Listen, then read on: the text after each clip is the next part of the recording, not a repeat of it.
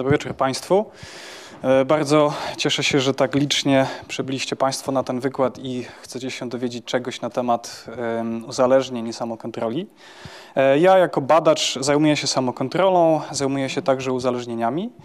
E, natomiast dzisiaj przede wszystkim będę koncentrował się na samokontroli. Będę starał się pokazać, w jaki sposób wiedza na temat samokontroli może nam pomagać w rozumieniu tego, jak powstaje uzależnienie i w rozumieniu tego, w jaki sposób e, możemy z uzależnieniami walczyć. W związku z tym na samym początku e, tej prezentacji, tego wykładu opowiem o tym, e, co wiadomo ciekawego na temat mechanizmów samokontroli, jak samokontrola przekłada się i wiąże się z różnymi mechanizmami dotyczącymi e, uzależnień, a później na koniec e, opowiem o tym, w jaki sposób możemy wzmacniając samokontrolę, możemy zapobiegać pewnym uzależnieniom, w jaki sposób możemy redukować ich negatywne konsekwencje. Na początek podstawowe pytania, na które chciałbym dzisiaj odpowiedzieć. Mianowicie chciałem odpowiedzieć na pytanie, czym jest uzależnienie z perspektywy psychologii. E, uzależnienia bada się e, na gruncie psychiatrii, e, uzależnienia bada się na gruncie neurobiologii czy samej biologii. Oczywiście ważne jest to, żeby wspomnieć, co wiadomo z perspektywy biologii na temat uzależnień. Natomiast to, co ja będę robił, to będę mówił, co ciekawego ma psychologia na ten temat do powiedzenia, a w szczególności ten kawałek psychologii, który zajmuje się procesami kontroli zachowania, kontroli emocji, kontroli myślenia. E, w związku z tym przedstawię taką, takie dość e, ogólne stanowisko na temat tego, jak działa, samo, e, jak działa uzależnienie, w jaki sposób ta przyjemność w konsekwencji przeradza się w cierpienie osoby uzależnionej od substancji czy od czynności i w jaki sposób ktoś, kto jest profesjonalistą w tym, w tej domenie psycholog może zmieniać samokontrolę, jednocześnie wspierając osoby uzależnione. Zanim to zrobię, chcę, żebyście Państwo zobaczyli ten film i spróbowali sobie odpowiedzieć na pytanie, co takiego pcha ludzi do robienia tego rodzaju rzeczy, tego rodzaju czynności. Jest to taki wstęp do myślenia o tym, czym jest, jaka jest natura uzależnienia. Jak się komuś zakręci w głowie, to Proszę przez chwilę nie patrzeć, bo, bo się może zakręcić.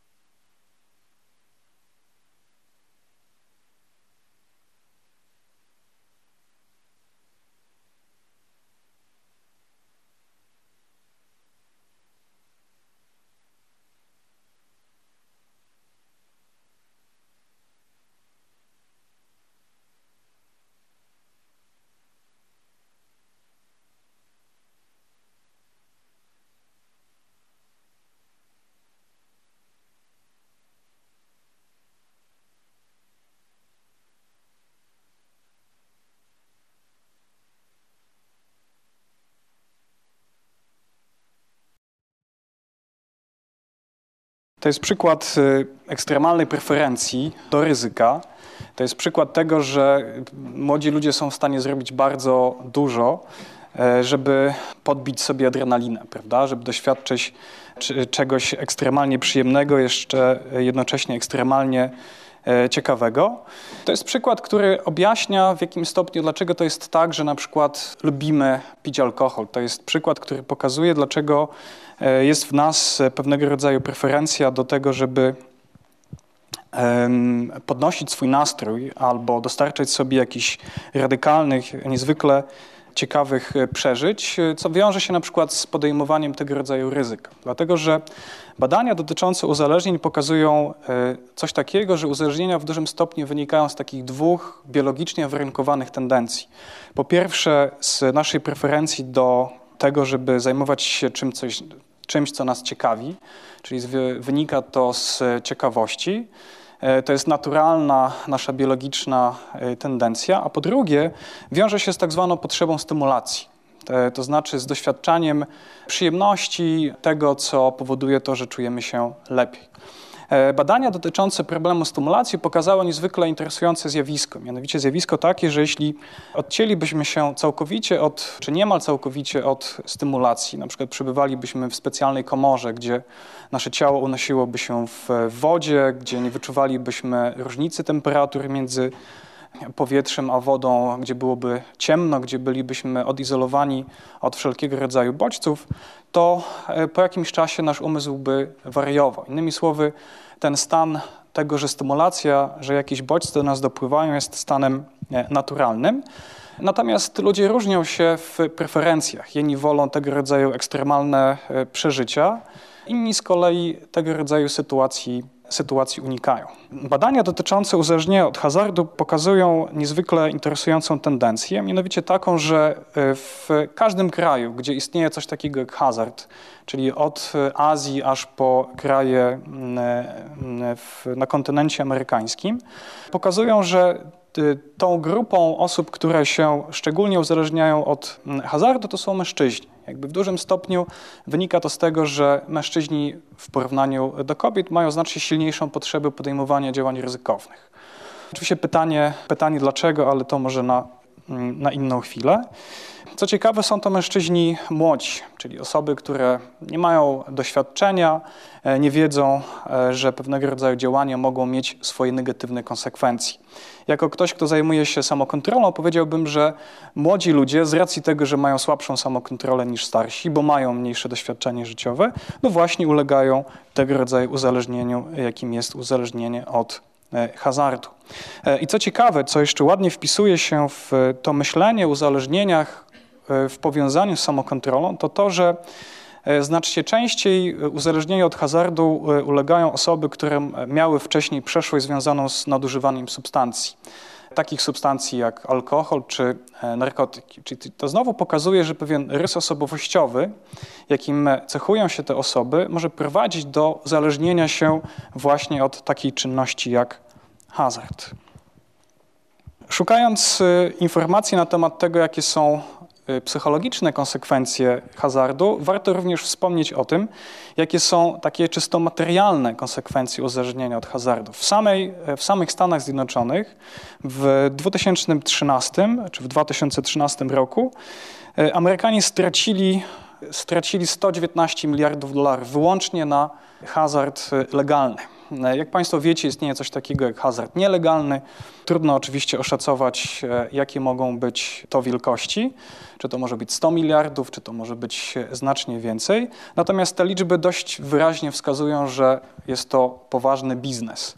Nie wiem, czy mieliście Państwo ostatnio okazję przez media społecznościowe przewijała się taka historia kobiety, która grając na jednorykim bandycie gdzieś w kasyno E, otrzymała taką informację na ekranie monitora, że wygrała około, jeśli dobrze pamiętam, 14 milionów dolarów. Prawda?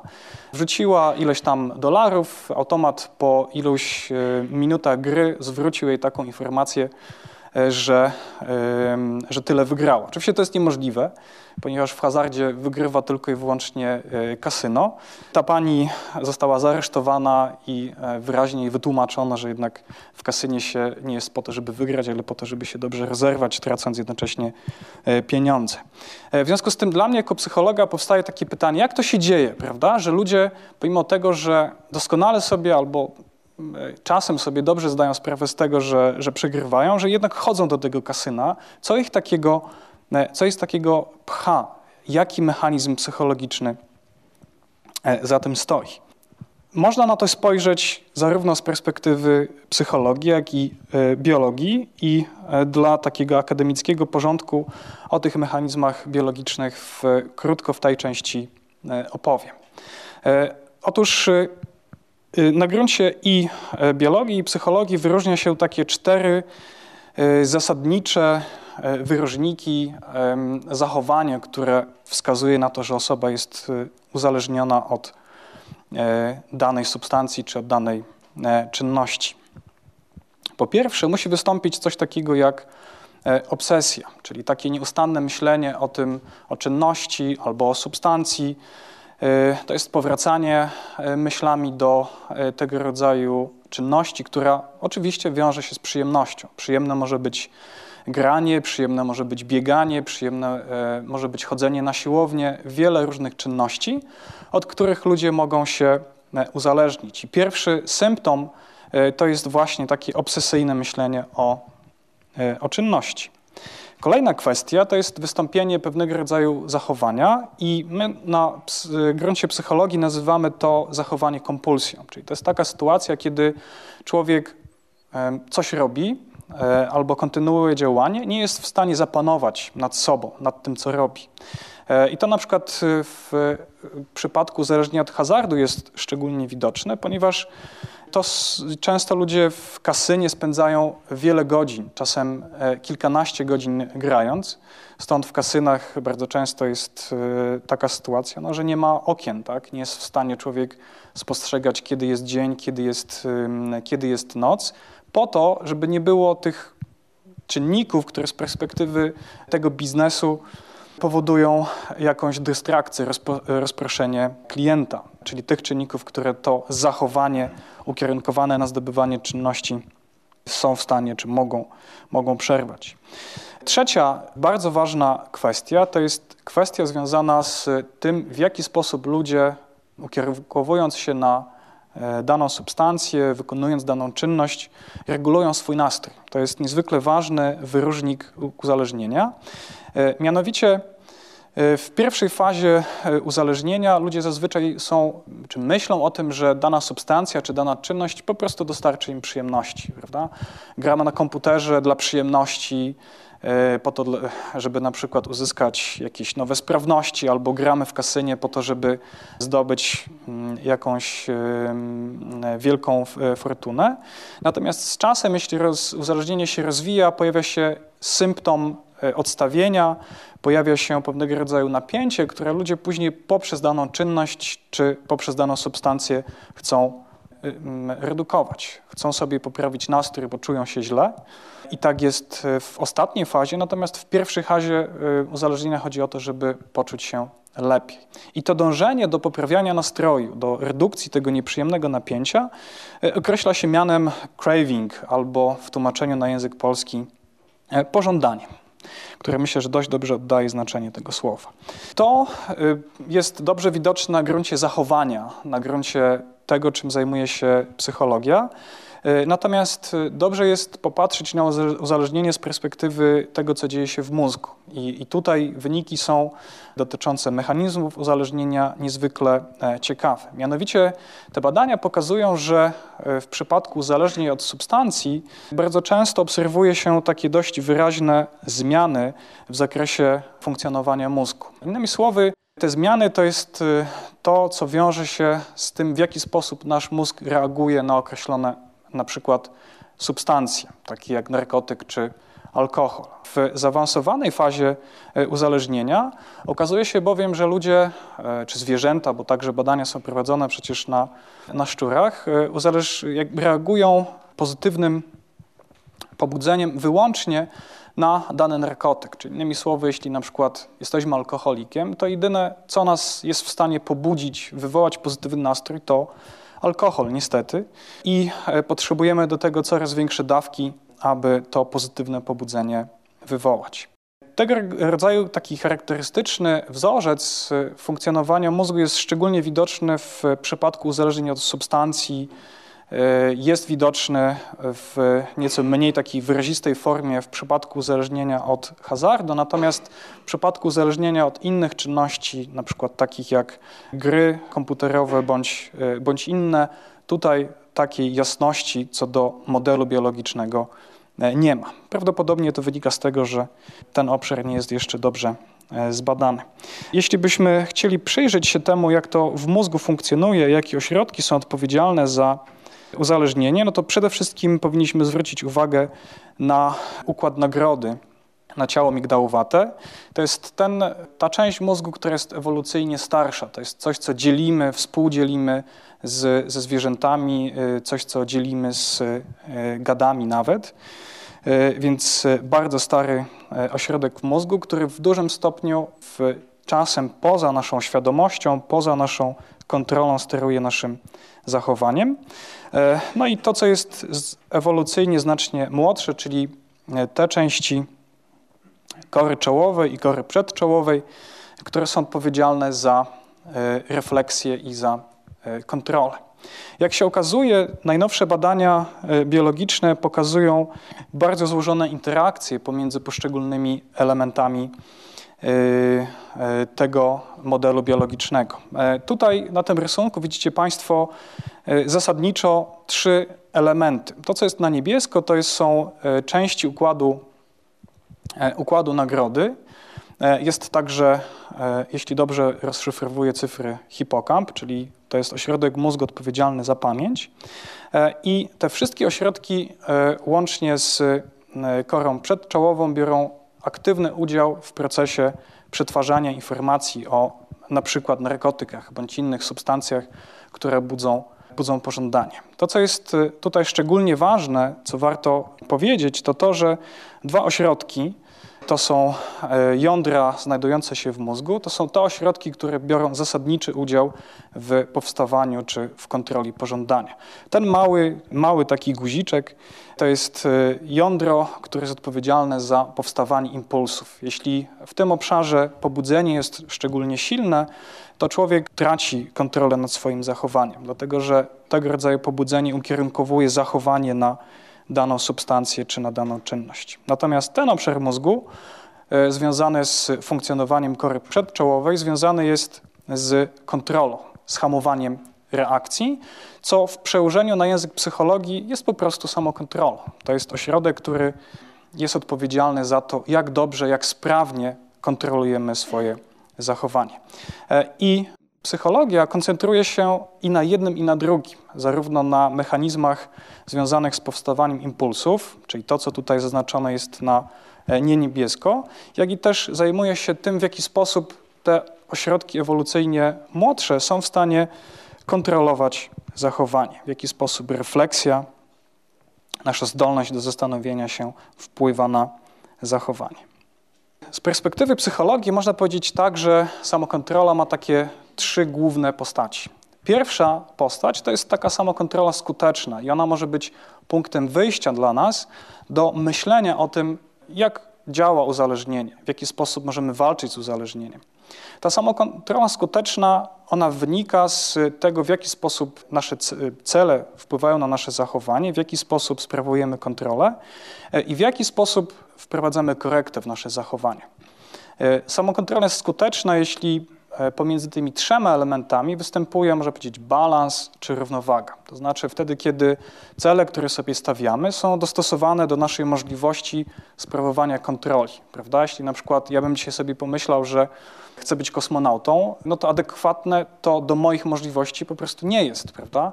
I ze względu na wiek, i ze względu na pewne kompetencje. W związku z tym nieważne, jak bardzo bym siebie kontrolował, nieważne, co bym chciał zrobić, jak zmienić swoje życie, moja samokontrola w tym zakresie nie byłaby skuteczna, ponieważ ten cel jest zdecydowanie zbyt, e, zbyt ambitny.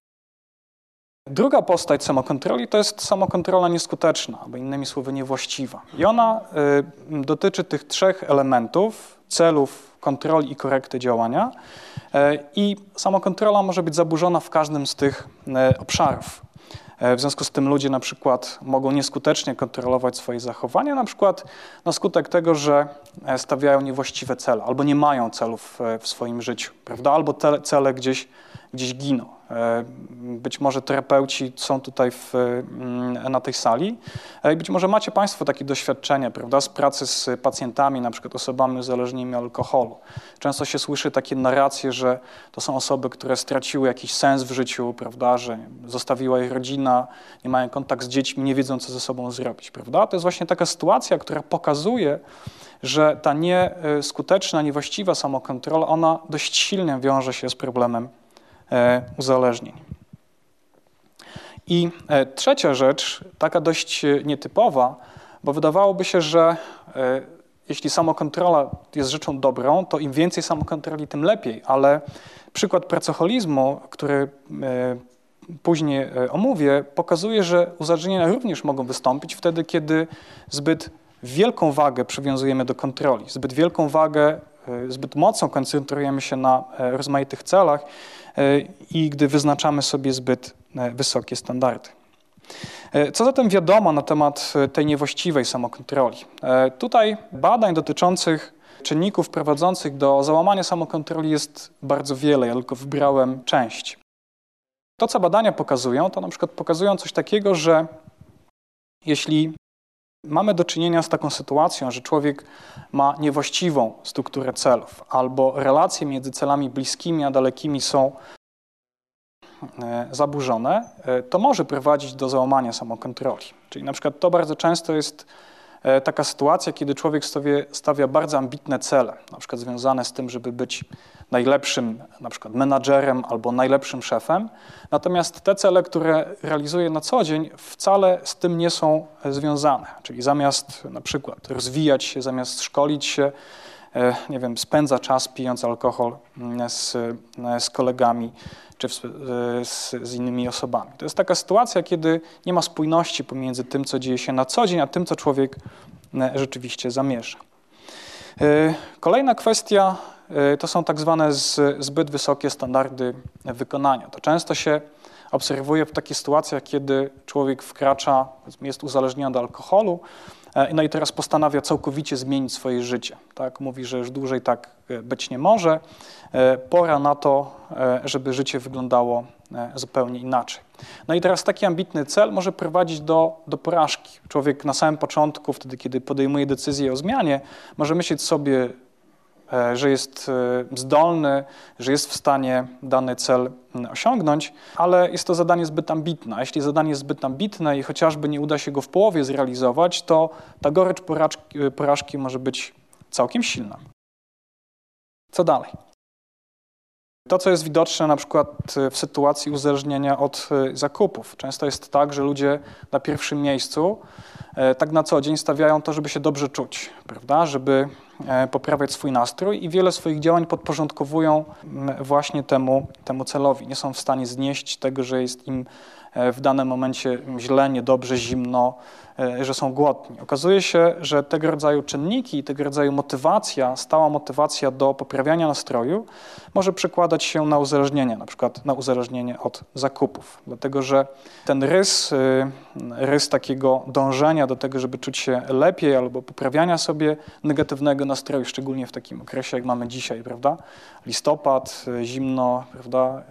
Pada i tak dalej, no to myślimy o tym, co by tu zrobić, żeby poczuć się E, lepiej. No i jeśli zakupy to jest ten główny czynnik, no to ryzykujemy prawda, tym, że, e, że, e, że się uzależnimy. Prawda? Szczególnie sprzyjają temu różnego rodzaju prawda, wystawy okołoświąteczne. Co dalej? Okazuje się, że ten proces związany z kontrolą zachowania, jeśli on jest w jakimś stopniu zaburzony, ten, który składa się na powodzenie samo, e, samokontroli, jeśli jest zaburzony, powoduje to, że ryzykujemy, że nasza samokontrola będzie załamana. Często jest to widoczne w sytuacji takiej, kiedy ludzie na przykład decydują się na spożycie alkoholu. Okazuje się bowiem, że alkohol powoduje to, że przestajemy zwracać uwagę na to, co robimy. E, w psychologii mówimy, że zmniejsza się samoświadomość osoby. Prawda? Już bardziej nie myślimy o tym, co się z nami dzieje, bardziej skupiamy się na tym, żeby na przykład wypić kolejne piwo, wypić kolejną dawkę, nie myślimy o tym, jak się zachowujemy, jakie na przykład wrażenie wywołujemy na otoczeniu, czy jesteśmy agresywni, czy nie, to nie ma znaczenia, ponieważ nie jesteśmy, nasza psychika nie jest zdolna do tego, żeby kontrolować e, zachowanie. E, co ciekawe, badania pokazują jeszcze to, że brak tak zwanych umiejętności miękkich, czyli na przykład takiej zdolności do radzenia sobie ze stresem, powoduje to, że ludzie sięgają na przykład po alkohol albo, po narkotyki. Okazuje się, że to e, w pierwszej fazie, jeśli jest łatwym sposobem na poprawienie sobie nastroju, to ludzie przy tym pozostają. Nie chcą problemu rozwiązać, e, tylko substancja jest tym takim zastępnikiem.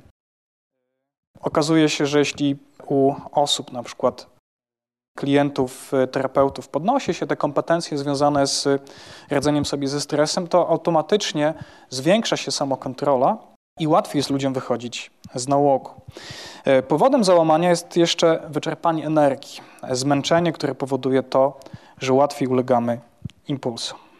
Jak rozumiemy samokontrolę? Można sobie pomyśleć, że to jest pewnego rodzaju cecha, z tego względu, że jak pewnie sobie pomyślicie o różnych osobach, e, które was otaczają, to jedni mają silniejszą tendencję do uzależnienia się, a inni z kolei mają inną samokontrolę. Są ludzie, którzy świetnie siebie kontrolują, prawda, biegają, świetnie są zorganizowani, ale są też tacy, którym wiele rzeczy się nie udaje. E, czasem się upiją, pójdą z kolegami na imprez. Innymi słowy, mówimy, że samokontrola może być cechą, ale też i samokontrola może być pewnego rodzaju procesem, który prowadzi do pewnych konsekwencji. Zatem na samokontrolę ogólnie rzecz biorąc możemy spojrzeć jako pewnego rodzaju zdolność, która powoduje, że jesteśmy w stanie ukierunkować się na cele długoterminowe, rezygnując z tych celów krótkoterminowych, szczególnie wtedy, kiedy wiążą się one z niebezpieczną przyjemnością. Czyli to jest taka sytuacja, kiedy odmawiamy sobie kolejnego piwa, ponieważ mamy gdzieś w głowie, że za na przykład dwa albo trzy dni musimy poprowadzić wykład, albo mamy rozmowy o pracy, albo robimy coś innego, co wymaga e, e, sporego wysiłku, szczególnie wysiłku e, intelektualnego. Takim szczególnym przykładem jest odraczanie gratyfikacji i chciałbym teraz na tym problemie się skupić, ponieważ okazuje się, że odraczanie gratyfikacji jest niezwykle ciekawą miarą i niezwykle ważną rzeczą e, w naszym życiu. E, I jak wiele badań pokazuje, w związku z tym, że to odraczanie gratyfikacji, ta zdolność do odraczania nagrody jest umiejętnością, która kształtuje się wtedy, kiedy mamy, jesteśmy dziećmi, to warto tutaj poświęcić temu sporo, sporo uwagi. Ja bardzo lubię ten film, który będzie za chwilę e, włączać, ponieważ on doskonale pokazuje, jak to odraczanie gratyfikacji wygląda. Z góry przepraszam te osoby, które ten e, film e, znają. Ja widziałem go już 15 razy i chętnie jeszcze raz obejrzę, więc myślę, że Państwo, którzy jeszcze raz go zobaczą, również z przyjemnością to zrobią. Dobrze?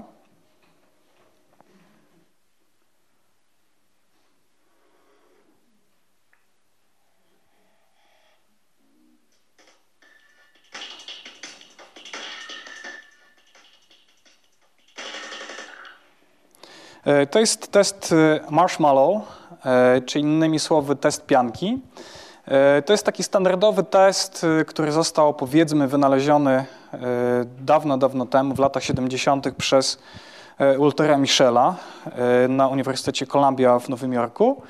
To jest taki test, który polega na tym, że dzieciom pokazuje się taką piankę, która jest dość smaczna i amerykańskie dzieci lubią ją jeść. E, a następnie mówi im się, że jeśli e, poczekasz, to dostaniesz, czy nie zjesz tej pianki, to dostaniesz kolejną, e, to dostajesz kolejną w nagrodę. No i jak Państwo sami zobaczycie, różnie z tym bywa.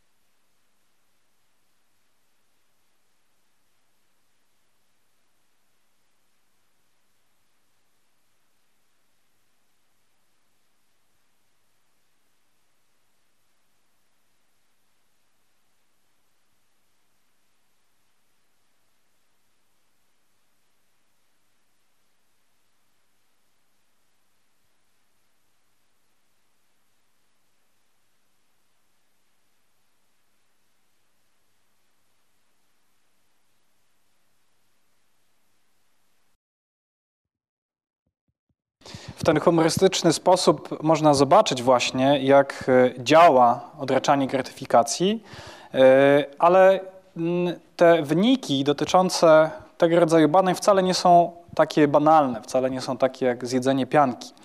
Bowiem te testy, które były prowadzone e, lata temu, one pokazały, że e, ludzie, którzy jako dzieci świetnie sobie radzili z tego rodzaju zadaniem, długo czekały, e, później jako dorośli na przykład byli bardziej szczęśliwi, mieli mniej długów, nawet okazywało się, że bardzo często te dzieci, które odnosiły sukces w tego rodzaju próbie, w ogóle długów nie miały. No, dodatek były dość bogate, miały dom, dzieci ich były wykształcone i tak dalej. W związku z tym to pokazuje, że to odraczanie gratyfikacji jest pewnego rodzaju świetnym przykładem na to, jak y, te mechanizmy, które już y, działają, kiedy jesteśmy dzieci, mogą się przekładać na to, co mm, dzieje się w naszym e, dorosłym życiu. E, Baumeister nawet twierdzi, że samokontrola, podobnie jak inteligencja, jest najważniejszą ludzką kompetencją. I e, te, e, ta hipoteza była testowana niedawno, w 2013 roku.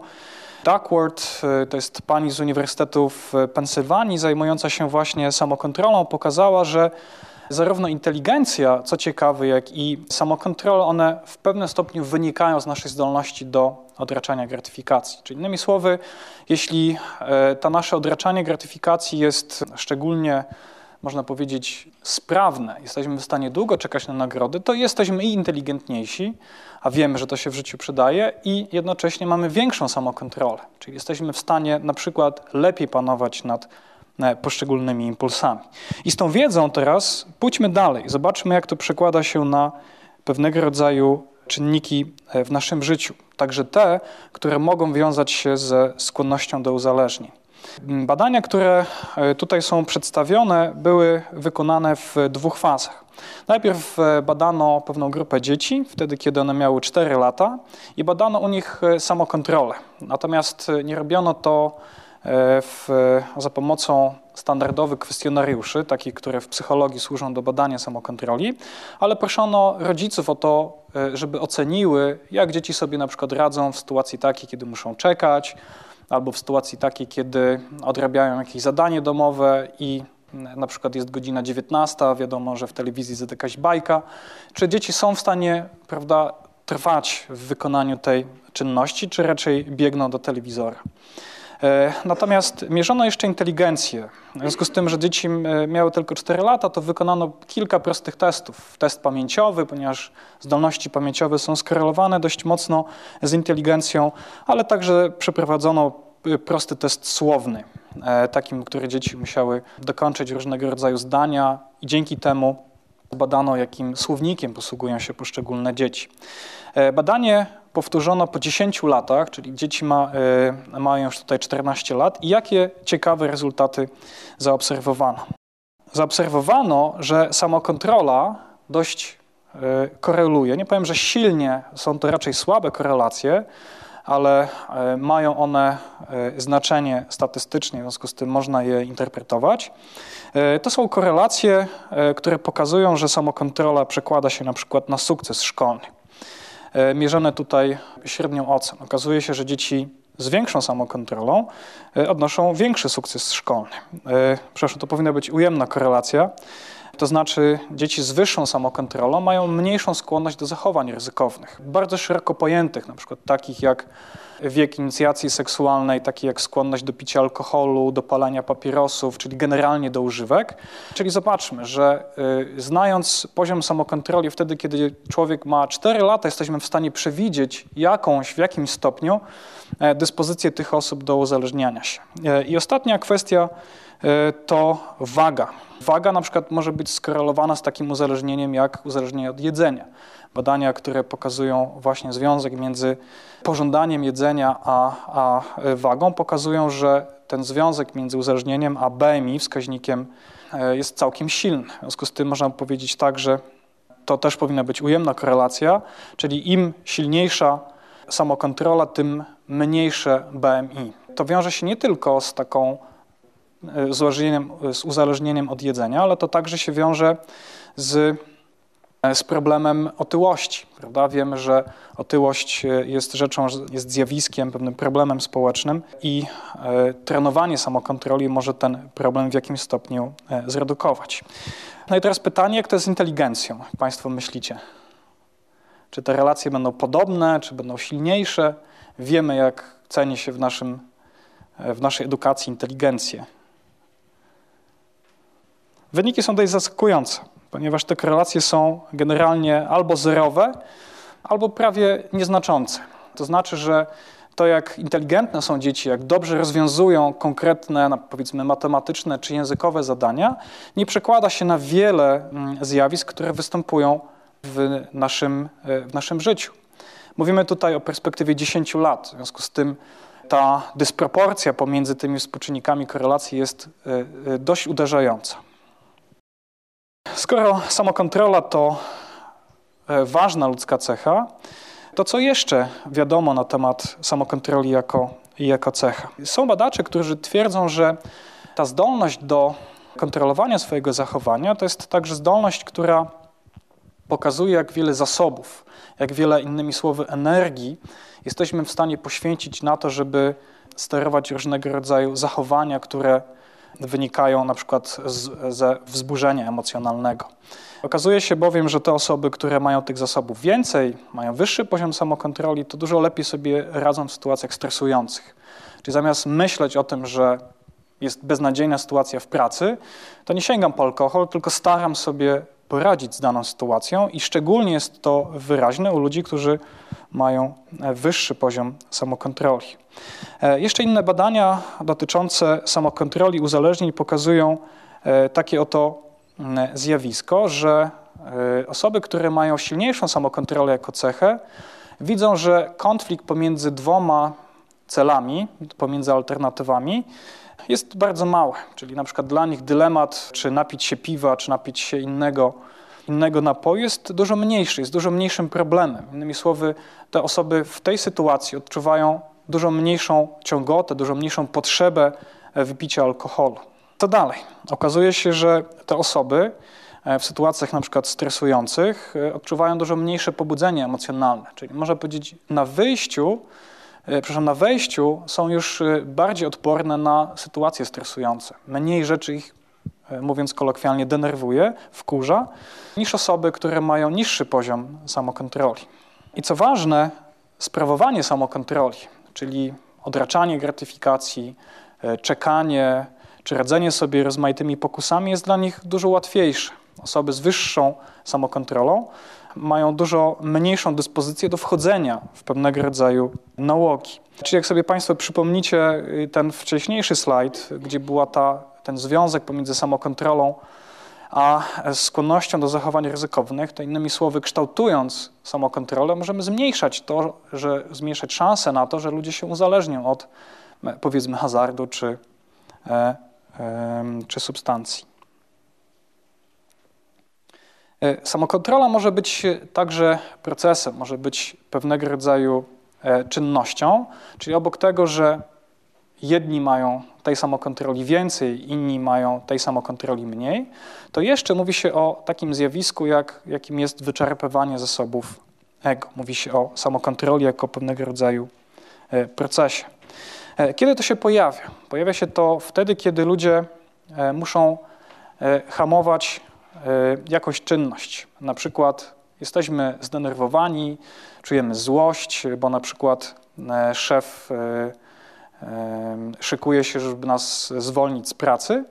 E, no i tego rodzaju czynność e, związana ze złością może być elementem naszej samokontroli. Możemy wyhamowywać brzydkie słowa, które jesteśmy w stanie powiedzieć, kierując e, się do szefa. Okazuje się, że tego rodzaju zachowanie może nas wyczerpywać, może nas, może nas męczyć. Dlaczego tak jest? E, badacze twierdzą, że na skutek tego rodzaju procesów dochodzi do wyczerpywania pewnego rodzaju zasobów. E, jest to dość tajemnicze określenie. Mówi się o energii, energii psychicznej, mówi się o zasobach samokontroli, o czymś, co e, jest pewnego rodzaju paliwem koniecznym do tego, żeby sprawować w danym momencie kontrolę. W związku z tym mówi się tutaj o zasobowym modelu samokontroli. Jakie to ma konsekwencje? To ma takie konsekwencje, że ludzie dużo słabiej kontrolują swoje zachowanie, dużo słabiej monitorują to, co dzieje się wokół, wokół nich. Czyli na przykład dużo mniejszą wagę zwracają uwagę na to, jak się zachowują.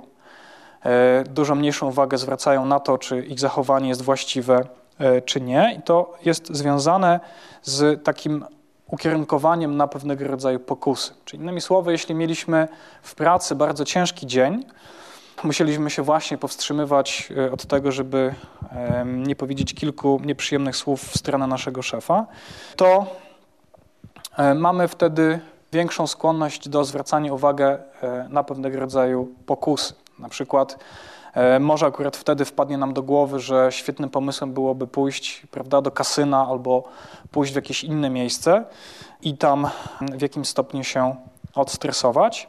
Badania dotyczące efektu wyczerpania ego na przykład pokazują to, że ludzie na skutek zmęczenia, wyczerpania tych zasobów mają większą skłonność do podejmowania ryzyka, co się przekłada na przykład na długotrwałe granie w, w kasynie, są e, bardziej agresywni, wydają więcej pieniędzy, więcej jedzą.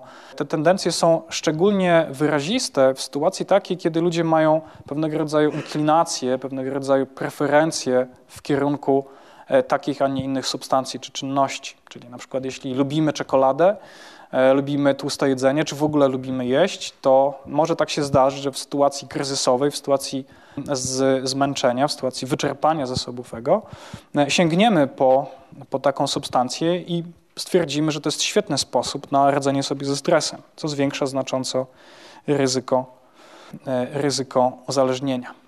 To, co do tej pory powiedziałem, to, była, to był taki obszar pewnego rodzaju refleksji, pewnej kontroli tego, o czym jesteśmy w stanie sobie pomyśleć.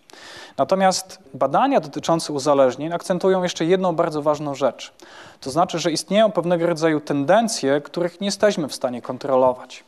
Nie jesteśmy w stanie kontrolować impulsów, które prowadzą nas do tego, że sięgamy po, e, po narkotyk, że nie jesteśmy w stanie zawsze panować nad tendencją do picia alkoholu. W związku z tym dość często mówi się o tak zwanych ukrytych mechanizmach uzależnień.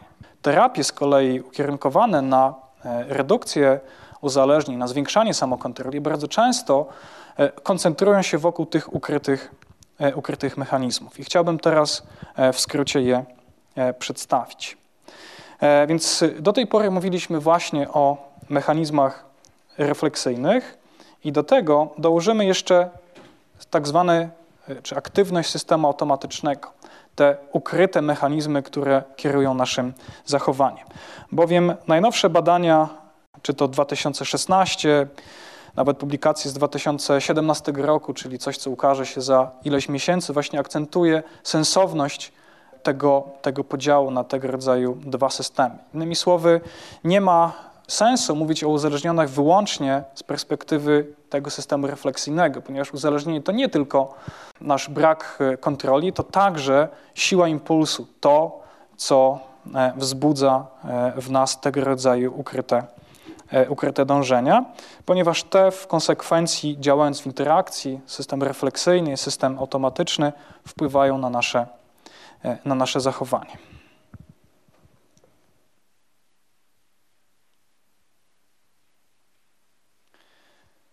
Okazuje się bowiem, że e, impuls to jest ta druga strona, to jest ten drugi czynnik, który e, warunkuje uzależnienie.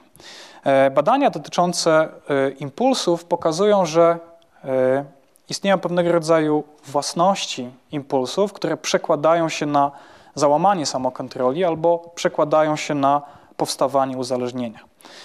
Po pierwsze, tym ważnym czynnikiem jest tak zwana automatyzacja czynności. Czyli im częściej na przykład sięgamy po, to, po alkohol, żeby się zrelaksować, im częściej chodzimy do kasyna e, albo im częściej gramy w pokera z kolegami po to, żeby zrelaksować się, e, tym bardziej automatyzujemy tego rodzaju czynność. Czyli jakby ta droga, taka psychologiczna droga od stresu do czynności się skraca. E, po jakimś czasie może się okazać, że to jest na przykład sięganie po alkohol jest jedynym środkiem na to, żeby e, sobie poprawić nastrój. Kolejna kwestia to jest to, jak silny jest impuls. Okazuje się, że im silniejszy jest impuls, tym e, większa, większa szansa na to, że nasza samokontrola się załamie. Czyli na przykład im większe kasyno albo im większa obietnica wygranej. Państwo znacie ten efekt, prawda?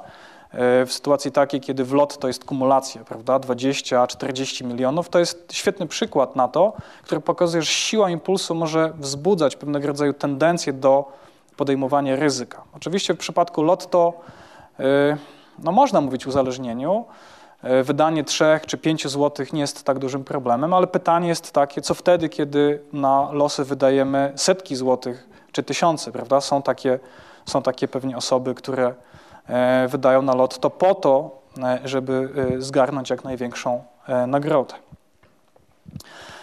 Kolejna kwestia to jest ta przyjemność. Okazuje się bowiem, że im większą przyjemność budzi dana pokusa, tym większa tendencja, że uzależnimy się od, od czegoś. Ludzie szukają, prawda?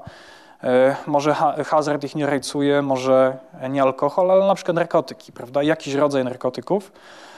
I im te skojarzenia są silniejsze, im bardziej pozytywne emocje wynikające e, z danego e, zachowania ukierunkowanego na substancję czy czynność, tym większa szansa, żeby się uzależnić. No i ostatni, e, ostatni czynnik zmęczenia organizmu, bowiem się okazuje, że im jesteśmy bardziej zmęczeni, mniej skłonni, mniej zmotywowani do tego, żeby kontrolować swoje zachowanie i tym samym większa szansa na to, że nasze zachowanie ulegnie załamaniu że powstanie e, uzależnienie. Chciałbym Państwu teraz pokazać e, jedną z metod badawczych, e, taką, która służy do sprawdzenia, jak silnego rodzaju impulsy, jak, jak silnego rodzaju tendencje motywacyjne mogą wzbudzić pewnego rodzaju bodźce. To jest taka metoda, którą ja w swoich badaniach wykorzystuję. To jest metoda dość nowa. Ja Państwu pokażę, jak to działa. Za chwilę wyjaśnię, to, jak, jaki jest mechanizm, co dzieje się e, w tym teście, kiedy, kiedy badani go e, wykonują.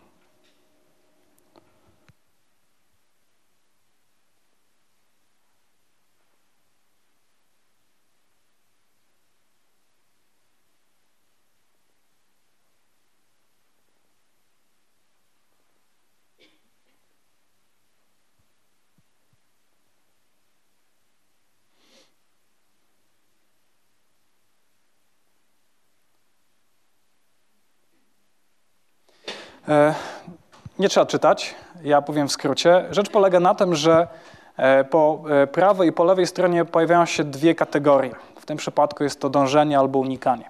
A następnie na środku ekranu będą się pojawiały bodźce, które z jedną z tych kategorii mogą być związane. To jest test, który nie bada preferencji. Nie interesuje nas to, czy ludzie lubią grać czy nie lubią grać. Interesuje nas to, jak szybko reagują w zależności od tego, jakiego rodzaju bodźce pojawiają się na ekranie. Jaka kategoria? Unikanie. Ok, czyli nacisnęlibyście Państwo, gdybyście byli moimi badanymi, e, nacisnęlibyście literkę I. Odpychać, też unikanie. Zawracać, też unikanie. Oddalać, unikanie. Uciekać, unikanie. Zmierzać, dążenie, wycofać i tak dalej, i tak dalej.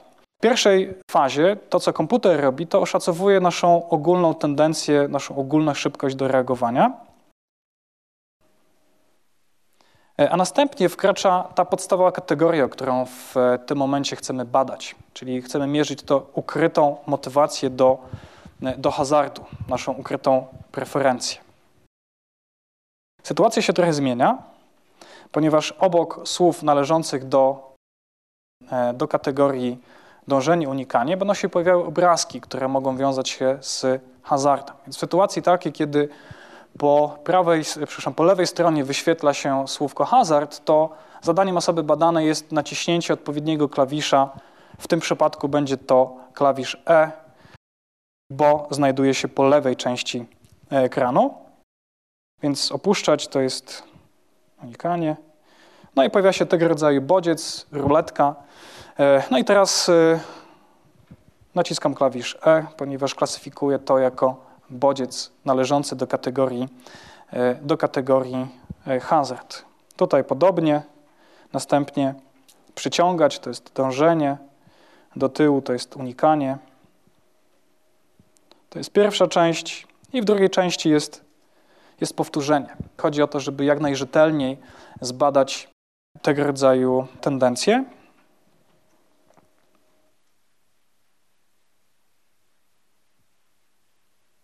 A później jest zmiana kategorii. Zadanie e, jest e, takie samo. Kategoria związana z hazardem pojawia się po prawej stronie ekranu. Pierwsza część, powtórzenie. I koniec. Bardzo często jest tak, że ludzie nie są świadomi, nie wiedzą, o co w tym rodzaju, y, w, w tym teście chodzi. Mówi im się, że po prostu chodzi o to, że badamy to, jak szybko reagujesz. Natomiast my, uzyskując pewnego rodzaju wynik, jesteśmy w stanie stwierdzić, jaka jest ukryta, niejawna preferencja tej osoby. Jak Państwo myślicie, co daje nam podstawy ku temu? Ku temu podstawy dają te dwie kategorie, które pojawiały się tam na górze, te zaznaczone na zielono, te związane z dążeniem i te związane z unikaniem. Ponieważ to, co komputer, to, co algorytm komputerowi, komputerowy robi w tym momencie, on liczy nam to, jak szybko ludzie reagują wtedy, kiedy słowo hazard jest po tej samej stronie razem z kategorią dążenie i liczy nam to, e, jak szybko ludzie reagują wtedy, kiedy słowo hazard jest po prawej stronie razem z kategorią unikanie. Jeśli się okazuje, że ludzie szybciej kategoryzują dane słowo jako hazard wtedy, kiedy jest e, to słowo wspólnie z kategorią dążenie, znacznie szybciej niż wtedy, kiedy jest wspólnie z kategorią unikanie, to znaczy, że ma taką silniejszą, niejawną preferencję, preferencję hazardu. I badania dotyczące hazardzistów, osób na przykład uzależnionych od hazardu, pokazały, że oni znacznie szybciej kategoryzują obrazki, bodźce związane z hazardem, wtedy, kiedy on jest zestawiony z kategorią dążenia, niż wtedy, kiedy jest zestawiony z kategorią unikanie. To samo było robione w odniesieniu do jedzenia, to samo było robione w odniesieniu do do alkoholu, do narkotyków. Wiele substancji zbadano w ten sposób. To jest oczywiście nauka, w związku z tym e, my eksplorujemy, pokazujemy pewnego rodzaju mechanizmy, ale jak się na koniec e, prezentacji okaże, ma to również znaczenie terapeutyczne, ponieważ można tego rodzaju wiedzę wykorzystać również w działaniach służących redukcji tendencji do, do uzależnienia. To jest sytuacja taka, kiedy nie jesteśmy w stanie skutecznie sprawować naszej samokontroli. Innymi słowy, to jest ta niewłaściwa, nieskuteczna samokontrola. Nie należy mieć przekonania, że im więcej samokontroli, tym lepiej, co szczególnie widać w odniesieniu do problemu e, pracoholizmu. E, problem pracoholizmu zaczyna się przede wszystkim wtedy, kiedy pracownik bardzo mocno uwewnętrznia zewnętrzne e, wymagania. Czyli bardzo wiele uwagi, e, bardzo wiele wysiłku poświęca na to, żeby realizować te cele, które w pracy są przed nim e, stawiane. Dlaczego? E, dlatego, że na przykład może uznać, że to jest szczególnie ważne dla niego, ale też może pomyśleć sobie, że warto się tak mocno skupić na tego rodzaju działaniach, dlatego że na przykład jeśli tego nie zrobimy, to zostaniemy wyrzuceni z pracy. E, w konsekwencji e, osoby, które mają taką tendencję do pracoholizmu, czyli do uzależniania się e, od pracy, na przykład wykazują się nadmierną wytrwałością po porażce. Oni uważają, że być może się niedostatecznie dobrze starali, w związku z tym trzeba nałożyć, trzeba włożyć jeszcze więcej wysiłku w to, żeby poszczególne cele zrealizować. W efekcie są to osoby, które mają mniejszą elastyczność w działaniu i często stosują takie niewłaściwe formy regulacji emocji, czyli na przykład zamiast emocji wyrażać, zamiast e, o nich mówić, bardzo często albo e, maskują te emocje, albo wypierają, hamują ich doświadczanie, co w konsekwencji zwiększa stres i osłabia zdrowie psychosomatyczne. Jak to się dzieje, że ta nadmierna samokontrola prowadzi do uzależnienia się od pracy. Otóż w pierwszej fazie, i to jest dość typowe dla osób uzależnionych od pracy, praca jako przyjemność jest używana właśnie do regulowania nastroju. To jest to, co powiedziałem na samym początku, prawda? Czyli, że te wszystkie substancje, te wszystkie czynności, one uzależniają, ponieważ one pozwalają na to, żeby regulować nastrój. Z pracą może być podobnie. Pracoholik to jest ktoś, kto może chodzić do pracy po to, żeby w końcu odpocząć od problemów e, codziennych. E, jeśli się okaże, to jest świetny sposób na to, żeby e, regulować swoje emocje, to pojawia się problem nadużywania pracy. Ludzie wiele wysiłków e, wkładają w pracę. Już nie jest istotne to, żeby sobie odpocząć, żeby się zrelaksować, ale istotne jest to, żeby na przykład spełnić wymagania szefa albo osiągnąć jakiś cel, wiem, cel sprzedażowy czy jakiś inny, który w pracy może zostać jakoś sformułowany. W konsekwencji e, nadużywanie pracy może rodzić ten problem, który określa się mianem pracoholizmu. Pracoholizm ma oczywiście swoje negatywne konsekwencje, to jest na przykład obniżenie efektywności pracy, pogorszenie zdrowia. I to jest y, taki, y, taka rzecz, która sprawia, że uzależnienie staje się problemem. E, o tym jeszcze nie mówiłem, być może będą e, później takie pytania, ale można powiedzieć tak, że uzależnienie jako tak wcale nie musi być problemem. Ono zaczyna być problemem wtedy, kiedy ma swoje negatywne konsekwencje. Tak? Czyli na przykład w przypadku pracoholizmu to jest pogorszenie zdrowia, to jest obniżenie efektywności pracy itd., tak itd. Tak Czyli wtedy, kiedy uzależnienie ma wiele negatywnych konsekwencji, e, wtedy zaczyna być poważnym problemem. Głębiej wchodząc w pracoholizm, staraliśmy się pokazać, z czego bierze się pracoholizm. E, okazuje się, że zajmując się pracoholizmem, także udało nam się pokazać, że istnieją pewnego rodzaju uniwersalne mechanizmy powstawania uzależnień, jak i też y, mechanizmy rozwijania się poszczególnych uzależnień. I w odniesieniu do pracoholizmu, takim pierwszym czynnikiem, coś co powoduje, że ludzie uzależniają się od pracy, to jest tak zwany neurotyczny perfekcjonizm. Czyli to jest taka sytuacja, kiedy stawiamy e, przed sobą zbyt wygórowane cele, jesteśmy zbyt ambitni i szczególnie negatywnie reagujemy wtedy, kiedy tych celów, tych zamierzeń nie udaje się realizować. Neurotyczny, czyli związany z lękiem.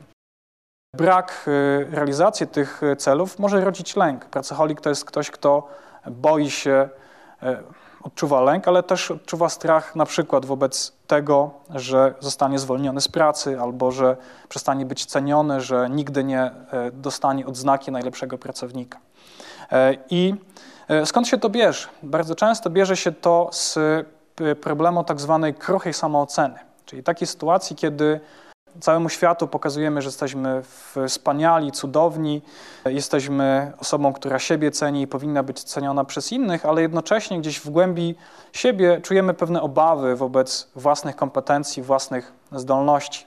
E, I tego rodzaju krucha samoocena może e, prowadzić do powstawania neurotycznego perfekcjonizmu, ale też może prowadzić na przykład do uzależnienia się od internetu, czyli od takiego medium, dzięki któremu możemy kreować pewien wizerunek samego siebie, jednocześnie budując y, czy próbując zredukować tę rozbieżność pomiędzy tą samooceną okazywaną innym ludziom, a tą samooceną, którą gdzieś tam chowamy tylko i wyłącznie dla siebie, a czasem nawet i chowamy przed sobą, nie chcąc myśleć o tym, że, że trochę w siebie E, wątpimy. E, więc w przypadku pracoholizmu e, zaczyna się to od, od tego, a następnie powstaje obsesja i kompulsja pracy. Dlaczego? Dlatego, że jeśli chcemy wypełnić te wygórowane standardy, no to musimy dużo pracować, tak? musimy dużo myśleć o pracy. Dlaczego tak jest? Dzieje się tak dlatego, ponieważ ludzie antycypują, że dzięki temu, że będą lepiej pracowali, że będą więcej czasu spędzać w pracy, ich samocena będzie rosnąć. W związku z tym, dzięki temu, że pracują, samocena rośnie, ale paradoksalnie e, im, im silniejsze jest to przewidywanie, że nasza samocena będzie rosnąć, tym bardziej pogłębia się problem nazywany tutaj neurotycznym perfekcjonizmem. E, w konsekwencji te nasze przewidywania, że praca prowadzi do ulgi, że praca będzie prowadziła do podwyższenia samooceny, to paradoksalnie prowadzi do pogłębiania się e, problemu. E, I to całe koło się zamyka właśnie w takim, w takim układzie. Im silniejsza obsesja, tym silniejsze oczekiwanie, że praca dostarczy nam jakieś ulgi, tym silniejsze oczekiwanie, że e, nasza samoocena zostanie podwyższona i to z kolei prowadzi do podwyższania naszych standardów, czyli pracocholicy są to osoby, które oczekują coraz więcej od siebie, coraz bardziej zapętlając się w tego rodzaju problem. Czyli innymi słowy, im więcej samokontroli w tej sytuacji poświęcamy, im więcej wysiłku, więcej energii, im więcej tych zasobów, tym bardziej problem narasta. Jak zatem można sobie z tym, z tym radzić? Myślę, że więcej mam do powiedzenia takiego, że, że dużo rzeczy nie wiemy w zakresie tego, w jaki sposób samokontrolę można zwiększyć niż, niż wiemy, ale to się za chwilę e, to się za chwilę okaże. W dużym stopniu wynika to z tego, że badania dotyczące zwiększania samokontroli są bardzo nową działką e, psychologii e, i tych dowodów na skuteczność różnego rodzaju treningów samokontroli trzeba znacznie więcej. To, co w literaturze można znaleźć, to to, że tak tu i teraz, to w jaki sposób można prowadzić, poradzić sobie z e, problemem e, mniejszej samokontroli, to jest wprowadzanie takich interwencji, które służą, na, e, służą temu, aby odzyskać zasoby energetyczne. Czyli na przykład odzyskać zasoby poprzez sen, albo poprzez pozytywne emocje, czy poprzez, poprzez medytację. Niektórzy się śmieją, że w niektórych firmach istnieją takie prawda, pokoje do relaksacji, gdzie można wypocząć, że to jest jakiś New Age albo jakieś tam inne rzeczy, ale okazuje się, że ma to jakieś sensowne umocowanie e, w badaniach naukowych, ponieważ okazuje się, że drzemka, że odpoczynek w pracy, a nie praca od e, prawda, 8 do, do 16, to jest coś, co podnosi znacząco efektywność. No i tutaj tym mechanizmem jest właśnie e, to, że odpoczynek czy sen sprzyja odzyskaniu zasobów energetycznych. I jeszcze inne badania pokazują, że E, ćwiczenie takiej sumienności, na przykład, na przykład poprzez zaplanowanie własnej edukacji powoduje to, że zwiększa się nasza zdolność do samokontroli. E, studenci, którzy są bardziej sumienni, później również są e, sumienni w innych czynnościach, nie tylko w, nie tylko w takich kwestiach dydaktycznych. Co dalej?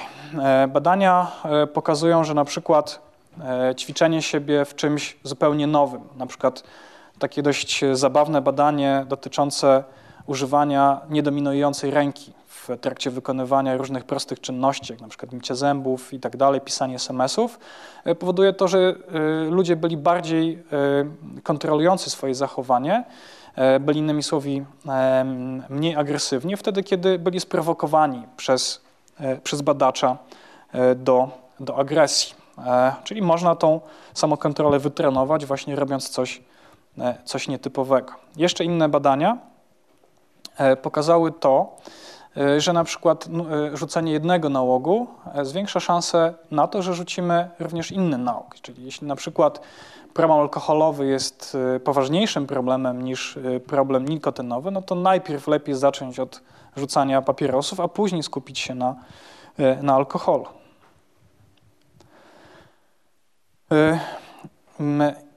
Badania robi się również w odniesieniu do takich zadań, ale do treningu wykorzystuje się również komputery.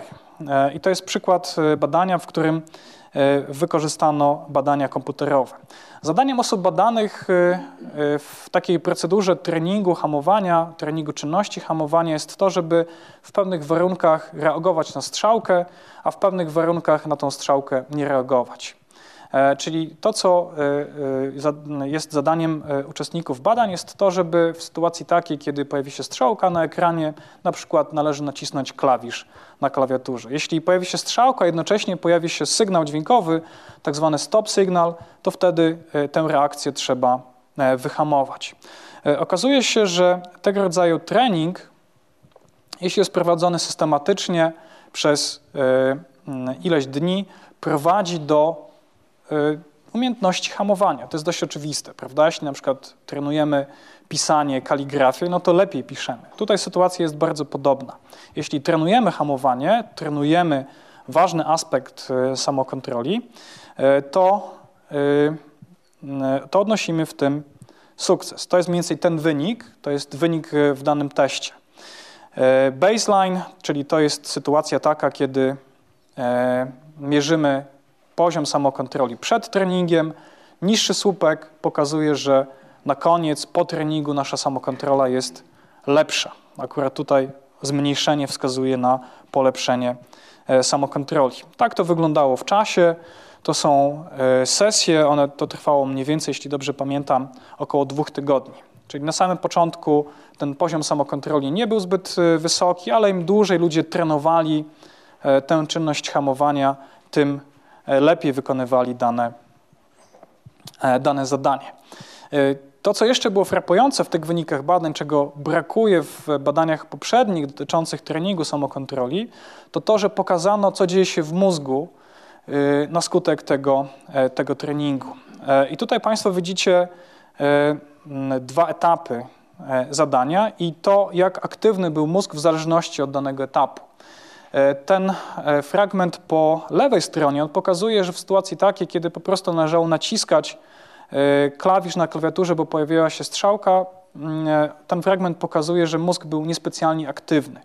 Natomiast wtedy, kiedy pojawił się stop signal, kiedy pojawiła się taka informacja, słuchaj, powstrzymaj swoją reakcję, to pewne części mózgu były e, bardziej aktywne. To, co jeszcze badacze zmierzyli, to jeszcze zmierzyli to, jak wiele połączeń między neuronami powstało E, na skutek tego treningu. Okazało się, że trening e, czynności hamowania prowadzi do tego, że zwiększa się liczba połączeń pomiędzy poszczególnymi neuronami. Nie jest to może spektakularna zmiana, to nie jest zmiana, nie wiem, o 1000% czy o, o więcej, ale jednak ona następuje. Innymi słowy, jest to mechanizm biologiczny, który pokazuje, że te ośrodki odpowiedzialne za samokontrolę, za hamowanie czynności można trenować na skutek właśnie e, ćwiczeń, ćwiczeń samokontroli. E, problem polega na tym, że e, w psychologii jest taka tendencja, że różnego rodzaju hipotezy czy wyniki badań są powtarzane. I niestety nie zawsze udaje się tego rodzaju efekty powtórzyć. I w najnowszej publikacji, która się ukazała dosłownie dwa miesiące temu, badacze wykazali, że niestety ten trening hamowania jednak nie prowadzi do zwiększania samokontroli. To, co jest niestety niedobre, no to właśnie to, że tego efektu nie udało się potwierdzić, nie udało się go zreplikować. E, I to na różnych poziomach. Badacze mierzyli coś takiego jak e, transfer bezpośredni, czyli na przykład to, na ile e, trening samokontroli w danej czynności, na przykład w czynności hamowania w danym teście, przekłada się na E, hamowanie e, w teście bardzo podobnym, wymagającym tej samej czynności, okazało się, że ten transfer, ten trening jest nieskuteczny. E, podobnie jeśli chodzi o tak zwany poziom metapoznawczy, czyli okazało się, że trening samokontroli wcale nie prowadzi do tego, że ludzie lepiej funkcjonują na tym poziomie refleksyjnym, że lepiej monitorują swoje zachowanie. Niestety efekty tutaj są niewskazane. Pytanie, czy coś jeszcze mamy? Coś jeszcze e, wskazuje na to, jak samokontrolę można, e, można zwiększać. E, I tutaj na szczęście badania pokazują, że możemy to robić za pomocą nieco innych metod. Tutaj na slajdzie jest mowa w tym drugim punkcie o tak zwanych grach komputerowych, tak zwanych grach terapeutycznych, które służą temu, aby dokonywać redukcji impulsywności i zwiększać kontrolę osób nad reakcjami własnego, własnego ciała. To jest taka procedura, która jest wykorzystywana na przykład w szpitalach psychiatrycznych po to, żeby wspomagać osoby na przykład leczące się z uzależnienia od hazardu. Y, badania zespołu hiszpańskiego właśnie dotyczyły tego, tego problemu. Osoby uzależnione od hazardu były proszone o to, żeby uczestniczyć w czterotygodniowej sesji. E, e, czy w sesjach trwających 4 tygodnie i każda z tych sesji polegała na tym, że do ich e, dłoni, do ich ciała były dopinane różnego rodzaju czujniki, które mierzyły to, jaki jest poziom napięcia emocjonalnego poszczególnych osób. Czyli nie pytano ich o to, jak się czujesz, czy jesteś napięty, czy nie, ale zwracano uwagę wyłącznie na wskaźniki fizjologiczne. E, I e, na czym polegała czynność, którą te osoby musiały wykonywać? Mianowicie one musiały się zrelaksować. One musiały doprowadzić swoje ciało do relaksu, musiały obniżyć napięcie skórne, musiały wyregulować oddech, musiały zrobić coś takiego, e, co na przykład prowadziło do osłabienia, e, osłabienia tętna. E, jeśli to zrobili, to mogli pokonać kolejny etap w grze.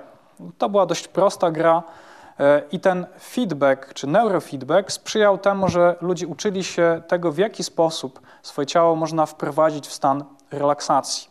I tak dzień po dniu przez, przez 4 tygodnie. Okazało się, że e, po tych czterech, e, czterech tygodniach e, te osoby mniej grały, w zasadzie żadna z nich nie poszła do kasyna, w związku z tym nie wydały żadnych pieniędzy. Osłabiła się ich potrzeba hazardu, czyli można powiedzieć, że dokonano osłabienia tych wszystkich wskaźników uzależnienia. Nie tylko tych dotyczących prawda, czysto emocji, ale także tych dotyczących myślenia. Zmniejszyła się ich obsesja, zachowania kompulsywne już więcej nie wystąpiły. Czyli innymi słowy, poprzez odpowiednie gry i sprzęt można, e, można e, poprawić samokontrolę. Natomiast tutaj napisałem specjalnie taką uwagę, bo e, być może sobie Państwo po tym wykładzie pójdziecie, otworzycie jakąś grę na smartfonie, taką, która służy treningowi mózgu. Jest coś takiego, prawda, jest sporo aplikacji, część z nich nawet jest płatna. E, I w, dosłownie też no, dwa miesiące temu ukazał się bardzo duży artykuł na e, około 60 stronach opisano, że tego rodzaju gry nie mają żadnego efektu. E, to znaczy one mogą wyłącznie pełnić funkcję placebo, na pewno nie trenują naszego mózgu. Jedyne co powodują to to, że nam nie szkodzą. Tak? Ewentualnie zabierają czas, który moglibyśmy poświęcić na jakieś inne fajne, fajne rzeczy. To, co jeszcze przynosi pozytywne efekty, to jest to, co bazuje na naszej wiedzy na temat tych ukrytych mechanizmów kontroli zachowania. Był taki w Belgii robiony bardzo interesujący trening, który polegał na tym, że ludzie nie trenowali ani swoich czynności fizjologicznych, ani nie medytowali, ale wykonywali pewnego rodzaju ruchy joystickiem, które polegały na tym, że w sytuacji takiej, kiedy widzą na ekranie e, monitora alkohol albo sygnał alkoholu, to ich zadaniem jest to, żeby joystick przyciągnąć do siebie, czyli innymi słowy, żeby unikać tego rodzaju bodźców. Natomiast y, drugą częścią tego zadania było to, żeby reagować przyciąganiem joysticka w stronę monitora, czyli takim ruchem dążenia, wtedy, kiedy widzą inne napoje niż alkohol, na to wodę, czy jakieś inne zdrowe napoje, jakieś soki.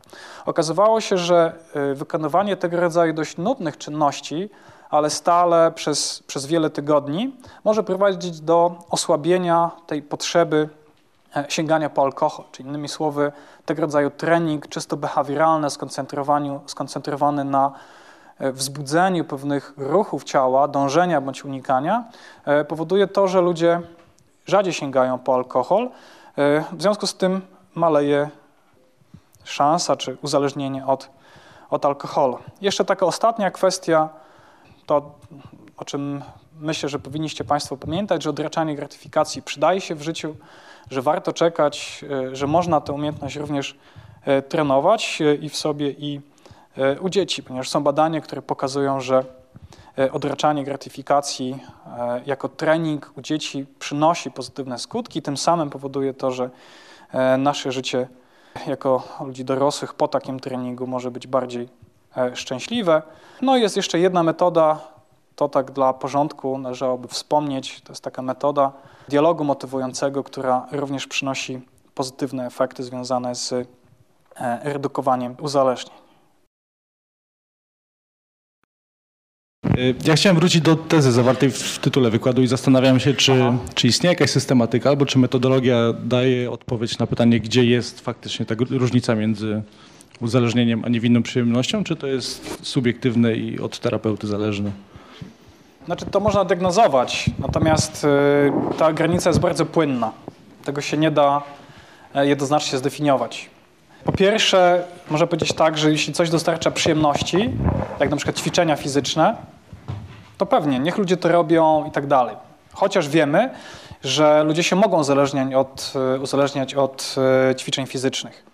Problem zaczyna się wtedy, kiedy ta czynność zaczyna na przykład ludziom szkodzić, powodować, że ludzie się na przykład nie wysypiają, e, to, że pogarsza ich się zdrowie, bo na przykład biorą jakieś środki które służą rozbudowie mięśni. Jest takie, e, takie zaburzenie u mężczyzn, które jest związane z, e, ze skrzywieniem wizerunku ciała. Prawda? I te mężczyźni, ci mężczyźni, którzy biorą sterydy, chodzą na siłownię, biorą odżywki, często właśnie przejawiają tego rodzaju problem.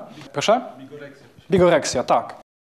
To może y, powodować y, na przykład problemy z sercem, tak? problemy skórne i tak dalej, i tak dalej, a skoro problemy z sercem, no to w konsekwencji na przykład zawał, tak? Więc można powiedzieć tak, że ta granica jest płynna i zawsze trzeba patrzeć na to, jaka jest, jaka jest konsekwencja tej tak zwanej niewinnej przyjemności.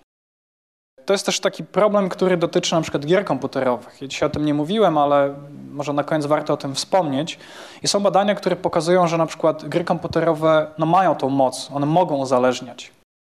I okazuje się, że granie jest pewnym problemem, który w konsekwencji może powodować to, że na przestrzeni 10 czy 15 lat ludzie mogą mieć problem wynikający z tego, że wcześniej grali. Na przykład mogą mieć E, mogą przejawiać zachowania y, y, ryzykowne, takie jak szybkie prowadzenie samochodu, albo picie alkoholu, albo mm, seks bez zabezpieczenia, tak? czyli na przykład mogą się narażać na różnego rodzaju choroby.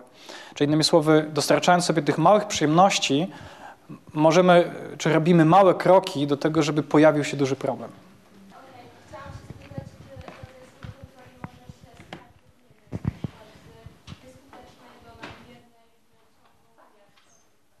Tak może wystąpić.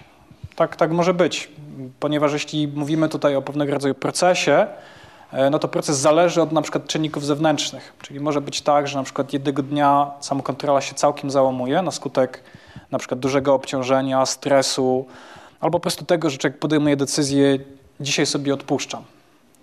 E, aż do takiej sytuacji, kiedy nadmiernie siebie kontroluje. To jest jak najbardziej, jak najbardziej możliwe. Natomiast jeśli chodzi o e, cechy to zdecydowanie nie. Samokontrola tak się nie może zmieniać, e, dlatego że ona po pierwsze jest w dużym stopniu warunkowana czynnikami biologicznymi, a po drugie e, te wzorce zachowania e, bardzo trudno jest zmienić. Są takie badania, które dotyczą zmiany, zmiany osobistej. I one pokazują, że muszą zaistnieć przynajmniej cztery etapy wprowadzania zmiany. Zmiany jednego nawyku i zastąpienie jednego nawyku drugim, czyli de facto zmiany samokontroli jako cechy. I czasem to może zająć e, wiele lat. Opowiadając o, e, o powodach uzależnień, Aha. niewiele było Freuda. Czy to dlatego, że on nie jest tak istotny, czy... Freud nie jest istotny. Naprawdę?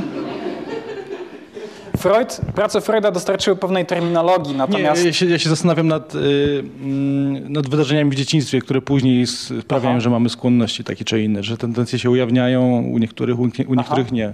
Czy to jest y, margines, czy większość? Znaczy, to jest y, złożony pro, problem.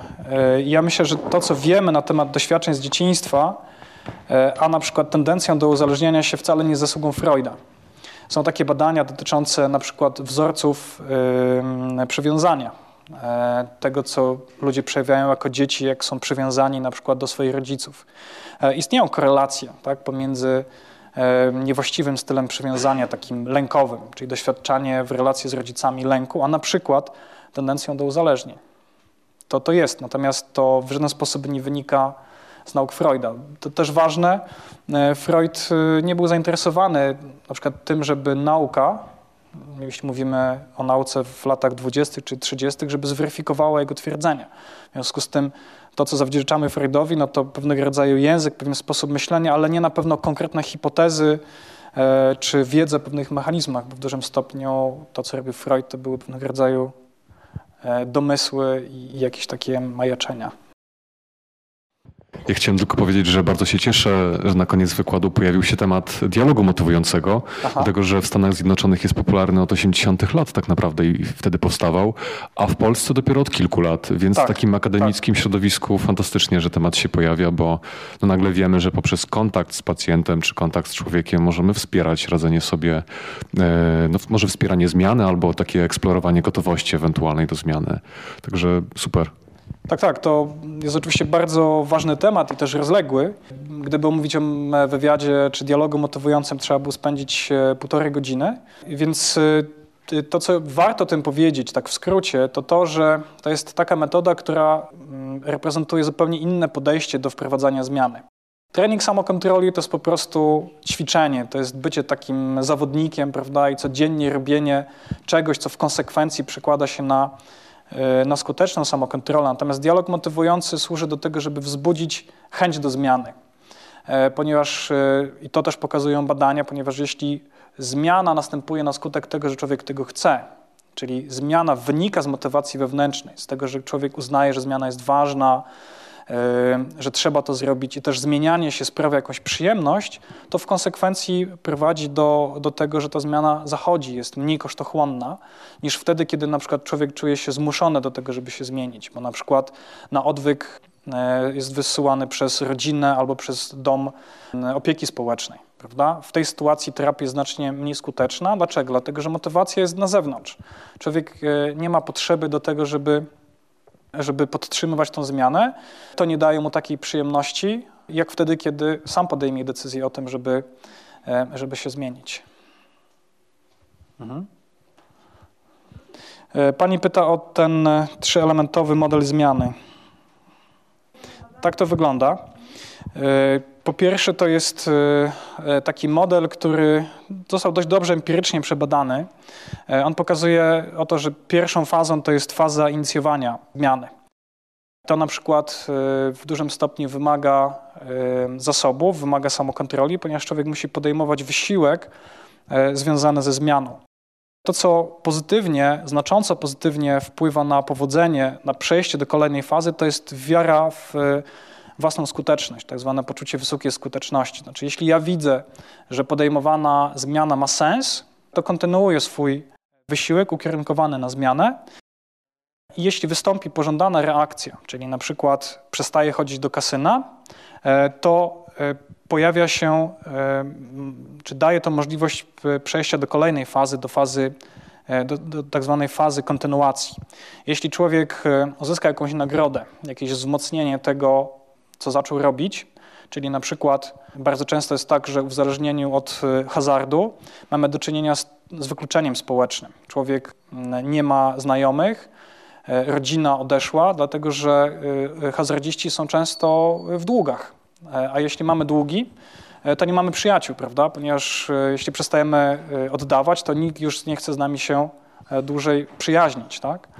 Jeśli się okaże, że ten powrót do tej abstynencji przynosi jakieś pozytywne efekty, no to, to wzmacnia.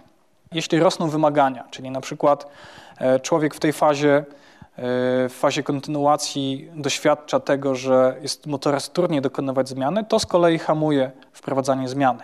No i później jest faza utrzymania właściwych reakcji, takich jak na przykład właśnie, że zamiast e, nie wiem, picia alkoholu, zamiast pójścia do kasyna człowiek nie wiem, idzie biegać, albo idzie do kościoła, bo też są takie efekty, e, no to istnieje większa szansa na to, że ukształtuje się już e, e, właściwy nawyk, jakim jest, co, co jakby związane jest często z sprawowaniem właściwej kontroli. Mhm. Tak w skrócie. Czy może Pan wymienić trzy top? Tak, pierwszą trójkę. Alkohol? Papierosy? I trzecie miejsce, jeśli chodzi o. Tylko to jest słabo diagnozowane, ale stawiłbym na uzależnienie od, yy, ogólnie rzecz biorąc, mediów. Yy, przede wszystkim mediów społecznościowych i tak dalej. Natomiast yy, wciąż psychiatrzy się zastanawiają, jakie przyjąć kryteria, na przykład diagnozowanie uzależnienia od gier komputerowych czy od mediów społecznościowych. To wciąż nie jest jasne. Ilościowe, jeśli chodzi o procent procent osób. Używania w ogóle, potrzeby używania urządzeń mobilnych, tak? Bo wiadomo, czasami... Tego się nie da, nie da się wyizolować. Na przykład y, badania takie polskie dotyczące hazardzistów pokazują, że takich rasowych, czyli ludzi wyłącznie zależnych od hazardu jest niewielki procent. Bardzo często to współwystępuje na przykład z uzależnieniem od e, alkoholu, od narkotyków i tak. Nie da się wyizolować często właśnie tego rodzaju tendencji, co poniekąd e, pokazuje, że, że ten, e, to, co się czasem w literaturze mówi, że istnieje coś takiego jak osobowość czy cecha do uzależniania się, ma sens, tak? E, ponieważ jeśli występują współuzależnienia, to znaczy, że istnieją pewne ogólne tendencje, które wyznaczają dążenie do tego rodzaju czynności. Jeszcze pytanie? To ja dziękuję. Dziękuję.